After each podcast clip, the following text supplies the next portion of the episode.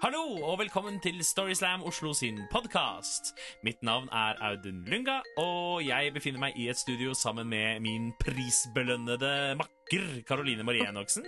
Ja. Yes. Wow, hei. Gratulerer. Velkommen til deg. Takk. Eh, vi skal høre noen historier eh, i denne podkasten eh, som ble fortalt på Storyslam Oslo sitt live arrangement på Håndverkeren i Kristiansand den 18. oktober. Ja. Ja. I Kristiansand. ja. Ja. Det var kult å være der. Det var kjempekult å være der. Vi var på besøk, vi ble invitert eh, av noen som eh, gjerne vil arrangere Storyslam fast. Ja. Det kan hende vi inviterte oss selv litt også, Ja, vi, det, det er vel strengt tatt det vi gjorde. Ja. Så det var kult. Det var kjempekult. Og vi gleder oss til å utvide oss. Det er liksom eh, fase én i det jeg liker å kalle prosjekt Først Oslo, så verden. Oh, ja. Ja. Ikke Norge først. Nei, nei, vi kan Oslo, gå rett til verden. OK. Yes, så vi er Ja, i gang med Kristiansand. Ja, jeg er med på den. Og i Kristiansand så møtte vi mange kjempegode fortellere. Eh, Og første forteller i denne episoden her, Marte Ultveit Moe. hun forteller om en hemmelighet som på et eh, verdikonservativt Sørland var ganske vanskelig å bære på.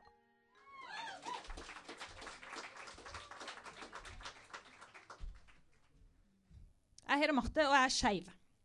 Og jeg ser ikke så veldig skeiv ut. Jeg lever utrolig streit liv med en mann i et rekkehus, et helt alminnelig rekkehus i Kristiansand. Men hvis skeiv betyr ah, hvis, det, det, hvis den definisjonen omfatter alle som ikke er 100% heterofile, så er jeg skeiv. Og da jeg gikk på Katta i Kristiansand, eh, da kunne ikke homofile gifte seg i kirka eller på rådhuset eller noe sted i hele verden. Eh, og det fantes ikke noe skeive sørlandsdager. Eh, og det fantes iallfall ikke noe Pride Parade med 4000 mennesker som danser gjennom byen. Eh, det fantes faktisk ingen homofile på Sørlandet. Eller det er mulig det fantes noen, da. Men, men Fevennen de skulle skrive en artikkel om homofili. Og de prøvde å finne noen de kunne intervjue og ta bilder av. Men det fant de ikke. Så de skrev en artikkel om homofili, og så måtte fotografen skrive eh, Jon og Per på to små papirlapper og klippe de ut. Og så teipe de opp over to sånne knagger på badet og henge opp to rene, pene, identiske håndklær og ta bilde av det, Jon og Per, for å illustrere da at det fins eh, folk som blir glad i noen av samme kjønn. Eh, så der gikk jeg em, på Katta i Kristiansand og var forelska i den peneste jenta i klassen. Um, hun som alle guttene snudde seg etter, eh, og meg. Um, og hun hadde, hun hadde et smil som kunne bare lyse opp et helt klasserom. Og hun hadde fantastiske brune krøller langt nedover ryggen. Og hun hadde en latter som kunne få hele, alle problemer i verden til å bare forsvinne. Um, når du er jente og blir forelska i ei jente, så har du en fordel, for da kan du bli venninne. Eh, og det er jo ikke så veldig vanskelig å bli venninne med noen. Um, for det første så må du snakke om det som hun er opptatt av, og så må du si noe fint. ikke sant? Eh, Kul på håret og fine bukser. Og. Altså Ikke overdrive, da. Det kan jo bli veldig kleint. Men, men eh, i sånn passe doser så er det ganske lett å få en ny venninne. Um, og hvis du da har blitt venninne, så åpner det seg jo masse muligheter. Da kan en gå på kino. En kan uh, flette håret på hverandre. En kan eh, holde i hånda og sitte på fanget til hverandre. Og en kan, eh, en kan ligge i samme sofa. Um, og hadde jeg vært gutt, så hadde jo det vært en veldig lovende innledning. Men jeg var jo ikke gutt. Um, og det var nok ingen i den klassen som visste at jeg var forelska i den jenta. Det tror jeg faktisk ingen i den klassen hadde fantasi til å se for seg. For dette var jo veldig hemmelig. Jeg skrev ingenting i dagboka, for dagbøker kan bli stjålet! Og noen kunne finne på å lese det! Um, men jeg lagde en sang som jeg ikke skrev ned noe sted. Og så satt jeg og spilte på piano og sang den sangen bare når jeg var helt alene hjemme og ingen andre kunne høre. Um, når du går med en sånn, sånn hemmelighet veldig lenge, så må du bare til slutt si det til noen. Ehm, så etter, etter litt sånn utpå høsten da, så ringte jeg til ei venninne som hadde flytta litt unna og gikk på en annen skole og ikke kjente hun her det var snakk om. Og så sa jeg du, det er noe jeg må si. kan vi gå en tur? Ja ja, vi kunne gå en tur. Så det var en, en sein kveld i november. Himmelen var helt svart. Vinden ulte. Um, det var ingen mennesker ute. Det var fysisk umulig at noen kunne høre hva vi snakka om. Eh, og så gikk vi tur oppe der med fylkesmuseet, vet du. De der grusveiene oppe med fylkesmuseet på, på Kongsgård. Eh, og etter veldig mye sånn derre Ja eh, Jo, det er det at eh, Jeg må si det at eh, Så klarte jeg da til slutt å si at det er det at Jeg må bare si at jeg er bifil. Og så fortsetter vi å gå henover de grusveiene. Og så ble det liksom etter hvert litt sånn større avstand mellom oss på den der grusveien. Og så, så stopper hun opp, og så ser hun opp på denne svarte himmelen, og så sier hun Marte, jeg har just oppdaget at jeg har aldri hatt et eneste seriøst problem i hele mitt liv. altså med andre ord Stakkars deg! Um, men, men, så er det jo sånn da, ofte at det som ikke går bra, det går i hvert fall over. Så også tre år på Katta i Kristiansand gikk over. Og den peneste jenta i klassen hun dro til utlandet for å studere, og jeg dro til Oslo. Uh, og i Oslo så uh, traff jeg noen uh, jenter som ville være venninner med meg. Og noen ville være mer enn venninner med meg. Og ting var ikke så farlig lenger, og så utrolig skummelt og så jævlig hemmelig. Um, og så traff jeg en sørlending. Den snilleste, fineste, smarteste, morsomste sørlending som fantes. Det, det, viste, det var en mann, tilfeldigvis. Men jeg kunne jo ikke bruke det mot han. Så vi slo oss sammen, og vi gifta oss, og vi fikk to barn, og vi flytta hjem til Sørlandet, og vi kjøpte rekkehus. Og så en dag så satt jeg på kjøkkenet i dette rekkehuset vårt og leste Fevennen. Og da hadde Fevennen trykka en oversikt over alle som var valgt inn i alle menighetsrådene i Kristiansandsregionen.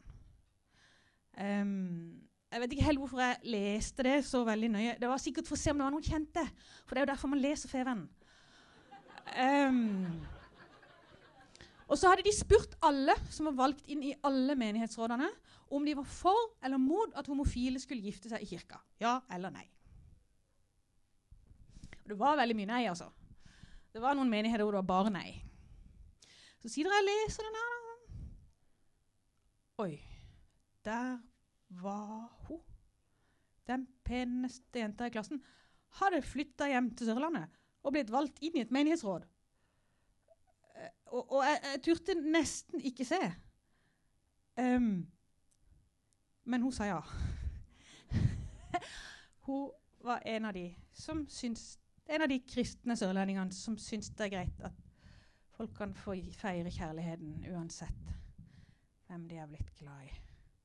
Og når jeg så det, så ble jeg veldig, veldig, veldig glad. Og så pelte jeg opp telefonen min, og så ringte jeg til henne, og så fortalte jeg hele historien.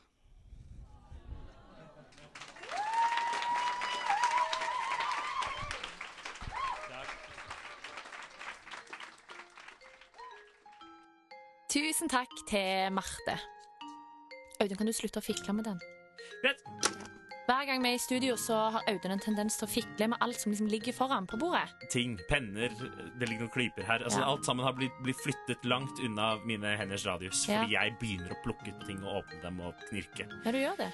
Eh, og ja, jeg er en fikler, rett og slett. Jeg må ha noe å gjøre med henne hvis Eller jeg begynner å gjøre ting med henne hvis det er noe her å gjøre med dem. Eh, så på en mange måter så kjente jeg meg litt igjen eh, i neste forteller. Eh, Kjetil Stavenes sin historie. Den kommer her.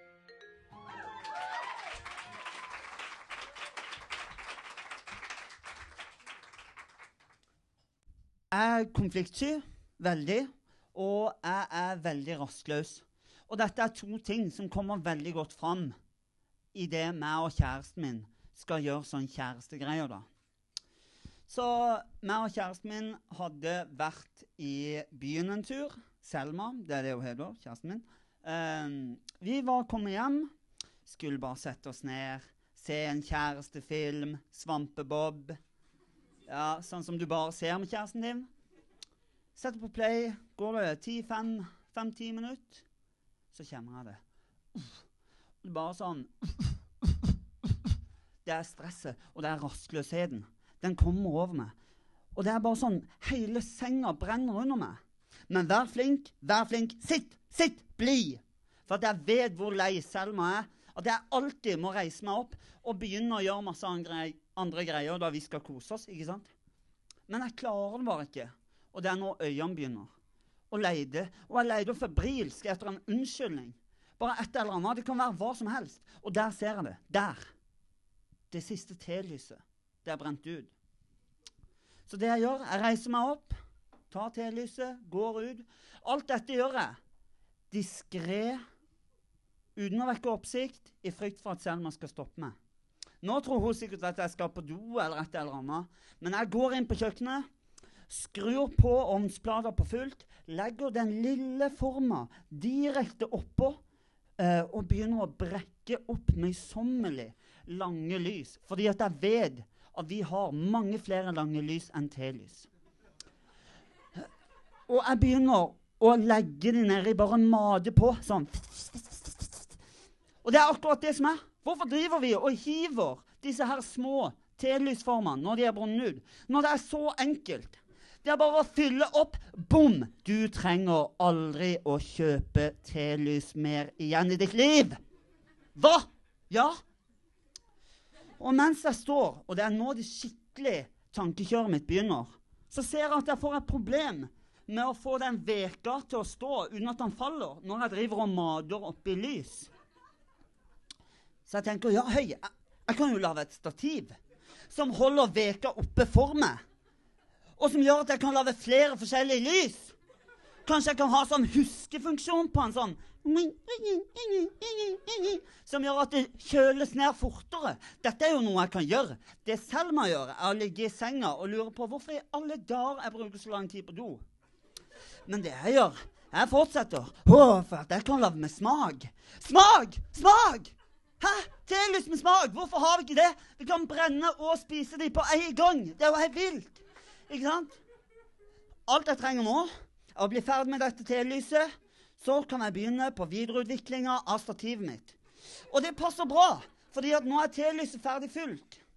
Og en telysform er relativt liten, og det sier litt om hvor fort ting eskalerer i hodet mitt. Og hvor lei Selma er av eskaleringa mi. Ok, Men nå er det bare å flytte den lille rødglødende forma fra komfyren over på grudeunderlaget. Eh, siden dette er første gang jeg lager telys, så har jeg ikke det nødvendige verktøyet.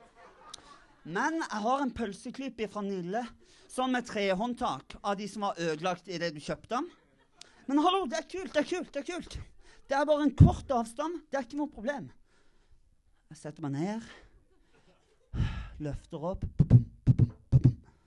Og det er da jeg innser Kjetil, dette er jo bare tull. Telys, hva er det det koster? 50 øre stykket? Det er stearin. Ingen spiser stearin. Du dør sikkert av det.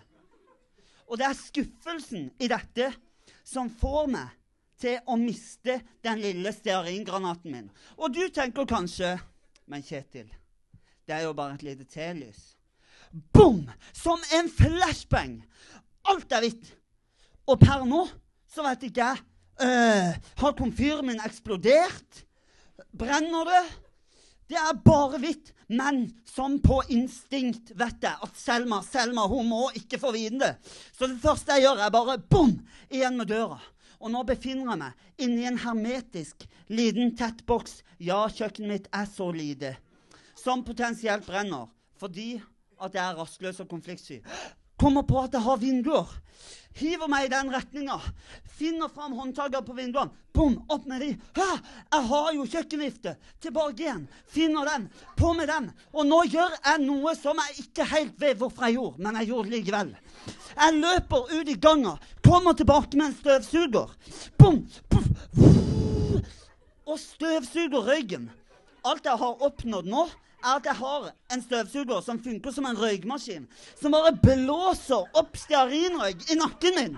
Mens jeg står og blåser og inhalerer mer stearinrøyk enn det jeg får ut igjen. Helt utrolig. Helt utrolig. Jeg klarer å avverge brann. Og det uten at brannalarmen har gått. Hvilket er skremmende. Men eh, i dette tilfellet veldig praktisk. Kikker ut. Jeg har ikke utløst Selma heller. Hun aner kanskje ugler i mosen, men jeg har ikke utløst henne. OK, bare tørker opp det siste stearinet. Yes, ser OK dritt ut. Ut i ganga. Rister av meg. Siste delen av stresset. Åpner døra.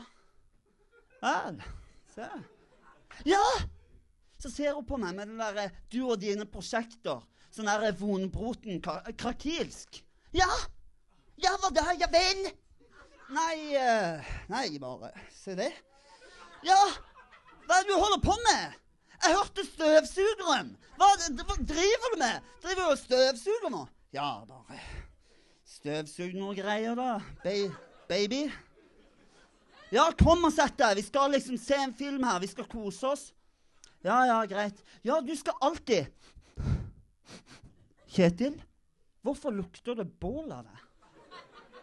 Det ender opp med at jeg må forklare hele greia, som er litt pinlig i og med at Selma har sånn brannskrekk. Psyko, da.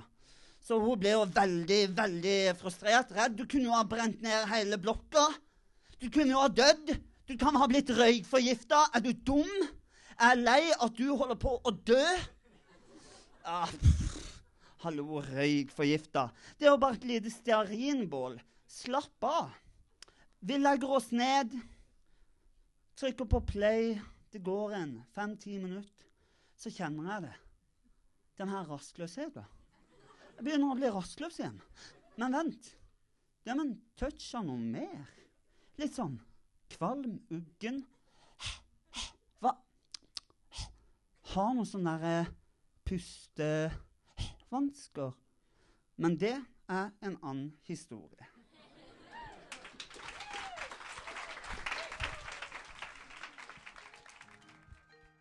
Tusen takk til Kjetil. Eh, Storyslam Oslo er tilbake med sine live arrangementer fra og med starten av 2018. Og til det trenger vi fortellere. Så hvis du eh, brenner inne med en fortelling som du kunne tenke deg å dele med oss, så ta kontakt. Enten via e-post, eh, da post at storyslamoslo.no, eh, eller på sosiale medier. Fortrinnsvis da Facebook. Ja.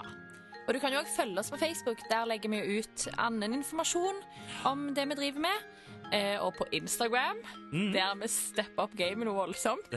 Det skjer mye der. Det er boomerangs og Jepp, og vi jobber fortsatt med altså, alt papirarbeidet for å få opprettet en Snapchat, men den Ja, kommer kanskje Det er på i løpet av 2020, kanskje. Ja, ja. Nytt år, nye muligheter, osv. Men du kan jo også ta oss og abonnere på denne postkassen, som kommer ut med ujevne mellomrom. Takk for nå. Takk for nå!